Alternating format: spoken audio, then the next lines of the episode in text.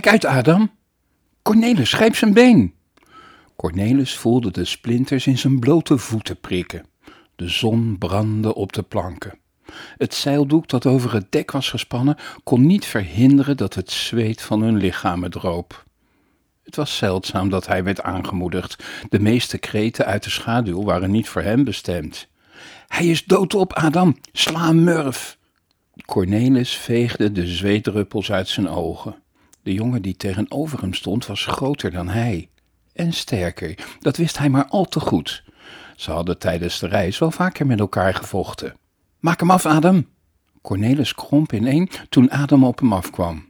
De vuisten van zijn tegenstander waren gebald, maar ook Adam was aan het einde van zijn krachten. Hij leek zijn voeten met tegenzin voor elkaar te zetten en kon zijn armen amper nog omhoog houden. Cornelis liet zich op de knieën vallen. Het dek gloeide onder zijn handen. De pek tussen de planken was vloeibaar geworden en kleefde aan zijn vingers. Sta op en vecht, zwakkeling!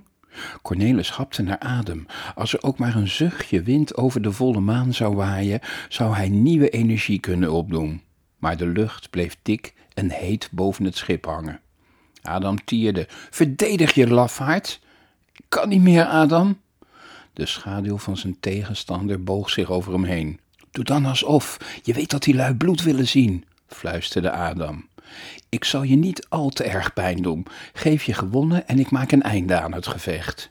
De matrozen werden ongeduldig en jouwden hen uit, maar aan hun stemmen te oordelen begonnen zij het spektakel stilaan beu te worden. De kapitein en de andere officieren vertoonden zich nog altijd niet. Ik denk er niet aan. Cornelis krabbelde overeind, maar Adam was snel. Cornelis zag zijn vuist niet aankomen. Ze kwam midden in zijn gezicht terecht. Meteen begon er bloed op het dek te druppen. Enkele matrozen slaakten triomfantelijke kreten. Rotzak! Cornelis blies zijn neus leeg en hield zijn gezicht omhoog om te vermijden dat het bloed over zijn mond liep. De zeilen boven hem hingen nog even slap. Geen enkel touw maakte een beweging. De windstilte leek niet van plan het schip uit haar greep los te laten. Adam volgde zijn blik. Een ogenblik later plantte Cornelis zijn knie in het kruis van zijn tegenstander. Adam plooide dubbel en kokhalsde. Uit de schemering klonken enkele goedkeurende kreten.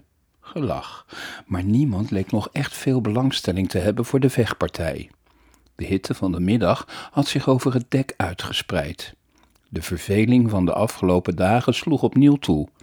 Het duurde een hele tijd voor Adam weer op zijn benen kon staan.